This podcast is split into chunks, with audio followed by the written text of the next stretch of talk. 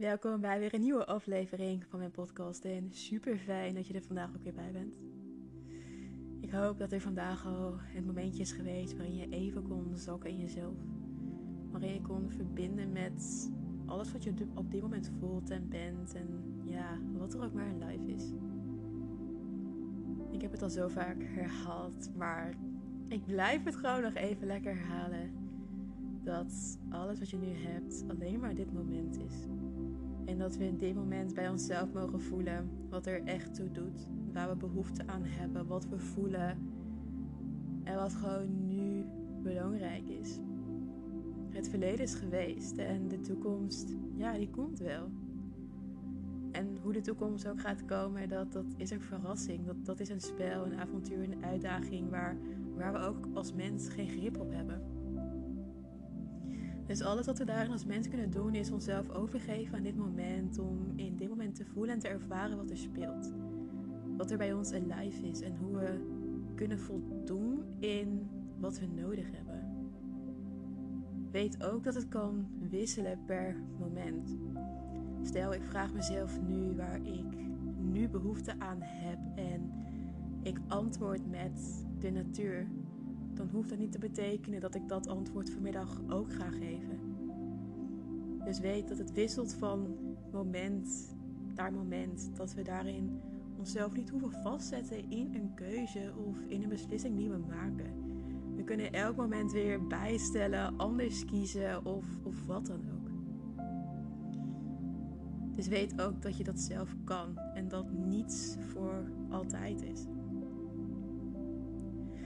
Waar ik je in deze podcast in wil meenemen is een gesprek wat ik gisteren had met Eva. Eva is niet haar echte naam en ook heb ik haar toestemming om een stukje van onze sessie te delen. Het is niet de hele sessie um, en weet ook dat alles wat ik vandaag ga vertellen niet 100% toepasbaar is op jezelf. Iedereen is uniek. Iedere sessie is, ook uniek. Dus ja, zie het vooral als bewustwording, als inspiratie, maar neem het niet klakkeloos over. Weet dat er geen one size fits all is. Um, iedereen werkt anders. En hoe mooi is dat dat het eigenlijk ook zo kan. Dus dat is even een disclaimer die ik van tevoren wil geven.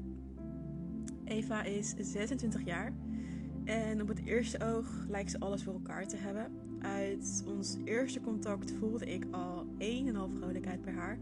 Echt zo'n energie waar je het liefst direct op meespringt en je in onder laat dompelen. Ik was dus ook heel erg benieuwd naar ons gesprek, maar ook wat voor rol haar energie speelt in haar leven. De hulpvraag waarmee ze bij me kwam uh, ligt rondom zelfvertrouwen, uh, maar ook rondom keuzes maken voor zichzelf. Ik neem in deze sessie dus, in deze podcast, mee in uh, een deel van onze sessie. Heb je naar aanleiding van deze podcast een vraag ergens over? Of je wil je eigen ervaring ergens over delen? Voel je vooral vrij om dat te doen. In de show notes staat daarnaast een link naar een werkboek uh, met een aantal vragen die je jezelf kan stellen. Laat de vragen lekker op je inlanden. Voel wat ze met je doen. En schrijf vooral je allereerste ingeving op. Want dat is altijd de ingeving die juist is. Dan gaan we lekker door naar de sessie die ik gisteren met Eva had. Het was gisteren 11 uur. En ik wist ook dat ik nog een half uur zou hebben tot ons gesprek. Dus ik dronk wat water. Ik deed een aantal oefeningen om bij mezelf te blijven en gegrond te zijn in mezelf. Het is verleidelijk om mee te gaan in een energie van een ander en te reageren vanuit een eigen trigger en projectie. Alleen is dit niet helpend voor de ander. Dus ik zorg er altijd voor dat ik mijn eigen innerlijk werk blijf doen. En zo de ander kan geven wat er nodig is zonder dat ik vanuit een eigen projectie kom. Ik startte Zoom op, ging in een fijne positie zitten en de kat besloot tegenover mij te gaan liggen. Na een aantal minuutjes zag ik Eva de ruimte binnenkomen. Een lach op haar gezicht, haar haar in een hoge knot en een pen in, haar hand. Ze had zich voorbereid, want er lag een schriftje naast haar. Alleen het geluid had nog een probleempje, dus ik wachtte totdat ik haar Toen we elkaar konden horen, vroeg ik haar hoe haar ochtend was en hoe ze zich voelde. Ik vind het fijn om dit aan het begin te vragen, zodat ik weet wat er heeft gespeeld die dag en of er iets een invloed kan hebben op het gesprek. Soms voel ik het dan en soms vraag ik het ter controle. De sessie gaat vaak best diep en dan is het fijn om daar in jezelf de ruimte voor te hebben. Ze begon te vertellen en ik vroeg aan haar wat voor vandaag belangrijk was en waar ze behoefte aan had. Zonder twijfel antwoordde ze dat ze het over haar aankomende examen wilde hebben. Het kwam er direct en hard uit, waardoor het urgent voelde en er meer aan de hand was. We waren ondertussen 15 minuten in gesprek en wat opviel was haar lach. Bij alles wat ze zei lachte ze. Begon bij mezelf te observeren wat ik zelf voelde en wat ik bij haar voelde. Er was geen spanning bij mij en ik voelde ook geen spanning bij haar. De kans dat ze zenuwachtig was, liet ik hierbij gaan. Ik kreeg het gevoel dat ze iets aan het weglachen was en iets bij zichzelf ongemakkelijk vond. Ik besloot het te laten rusten en er later in het gesprek op terug te komen. Aan het begin van het gesprek vertelde ze dat ze het druk had en daarom afgelopen week weinig tijd had genomen om te ontspannen. Ik koppelde hierop terug en stelde voor om in te zoomen op alle ballen die ze hoog aan het houden was. Hiermee stuurde ik haar in de richting van haar waarde, wat een onderdeel is van Acceptance and Commitment Therapy, een tool die ik veel gebruik. Eva kijkt op en begint al direct na te denken. Voor mij voelt dit als een goed teken, want eerder in de sessie gaf ze standaard direct antwoord. Wat niet per se goed of fout is, maar mij het gevoel gaf dat ze dingen aan het rationaliseren was. En het doel was nu om wat dieper te landen in het stukje gevoel. En daar waren we nu naar onderweg. Terwijl ik een slokje nam van mijn water, begon Eva haar ballen op te noemen. Ze noemde studie, haar bedrijf, vrienden, haar partner en haar sport. Voordat ik hier dieper op inga, laat ik in stilte vallen, zodat we beiden kunnen voelen wat er net is gezegd. Toen ik begon met coachen, vond ik stilte ongemakkelijk. Ik had het idee dat ik zou moeten doorpraten. Ik had het idee dat ik iets zou moeten invullen. En nu gebruik ik het als bewustzijn. En dat het voor ons beiden een mogelijkheid is om te voelen wat er is gezegd. Om in stilte te verbinden met een ongemakkelijkheid, een kwetsbaarheid. En juist de stilte maakt het krachtig en valt zoveel in te leren.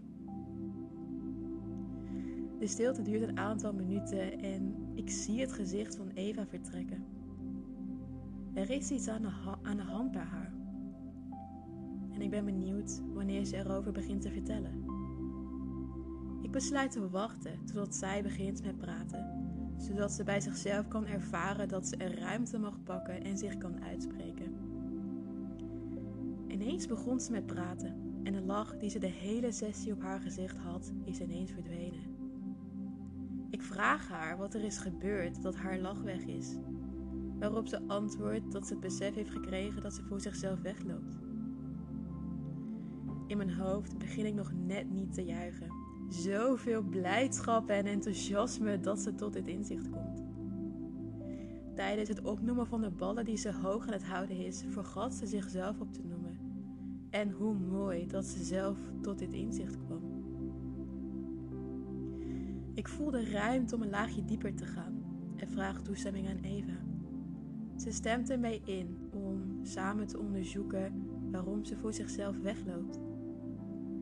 Eva vertelt over haar verleden, waarin ze in groep 8 werd uitgelachen omdat ze een lage score had voor haar examen. Haar juf vertelde dit hardop in de klas, al haar klasgenoten waren erbij, met daarbij de opmerking dat ze niets kan. Het voelde voor Eva schamend, kwetsbaar, waarop ze ook niet wist wat ze ermee moest doen. Het is voor haar het moment geweest waarop ze besloot zichzelf weg te cijferen. Omdat ze voelde dat ze er niet toe deed. Er werd namelijk gezegd dat ze niet kan. Ze voelde zich gekwetst, werd beoordeeld en uit bescherming voor zichzelf en verdere oordelen deed ze een stap naar achteren. Heel logisch, in het allerbeste wat ze op dat moment kon doen als 12-jarig meisje. Het gevolg is alleen dat ze zichzelf niet meer ziet. En dat wanneer mensen vragen hoe het met haar gaat, ze standaard zegt: Goed. En met jou? Ze geloofde niet meer dat ze zich kwetsbaar kon opstellen, omdat met elke kwetsbaarheid ze de angst had om omvergeblazen te worden. Ik leidde haar in een visualisatie, een tool om dieper in je onderbewuste te duiken, om een situatie te herbeleven en oude pijn op te roepen, om oké te zijn om die oude pijn te voelen en te ervaren. Ze sluit haar ogen en had een aantal keer een diepe ademhaling. Ik gun haar, omdat ze haar 12-jarige ik kan omarmen en kan vergeven voor wat er is gebeurd. Zodat ze er in het hier en nu vrede mee heeft en niet langer de hoeft te laten beïnvloeden. Ik gun haar dat ze zichzelf gaat zien. Dat ze gaat uitspreken waar ze behoefte aan heeft. Dat ze alles wat iemand zegt bij de ander kan laten zonder er zelf iets mee te gaan doen. Ik leid haar door de visualisatie. We komen bij de pijn en we kunnen de pijn ook voelen. Ik laat haar contact maken met de pijn.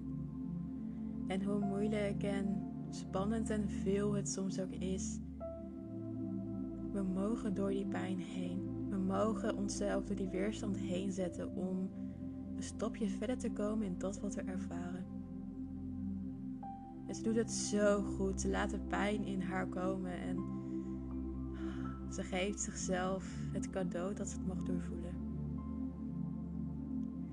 Na de visualisatie reflecteren we op de sessie en bespreken we wat ze nodig heeft in de aankomende dagen. We maken een volgende afspraak en dan is haar sessie alweer voorbij. Weet dat wat ik net heb gezegd niet 100% over te nemen is. Weet ook dat iedereen uniek is en er geen one size, one size fits all is.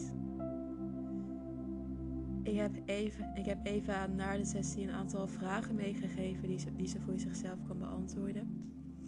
Ik heb de vragen, of een aantal vragen, um, in een werkboek gezet die in een link in de show notes te downloaden is. Dus als jij voelt van, oh, ik ben eigenlijk wel heel nieuwsgierig en ik wil er meer over weten, vul vooral de vragen voor jezelf in.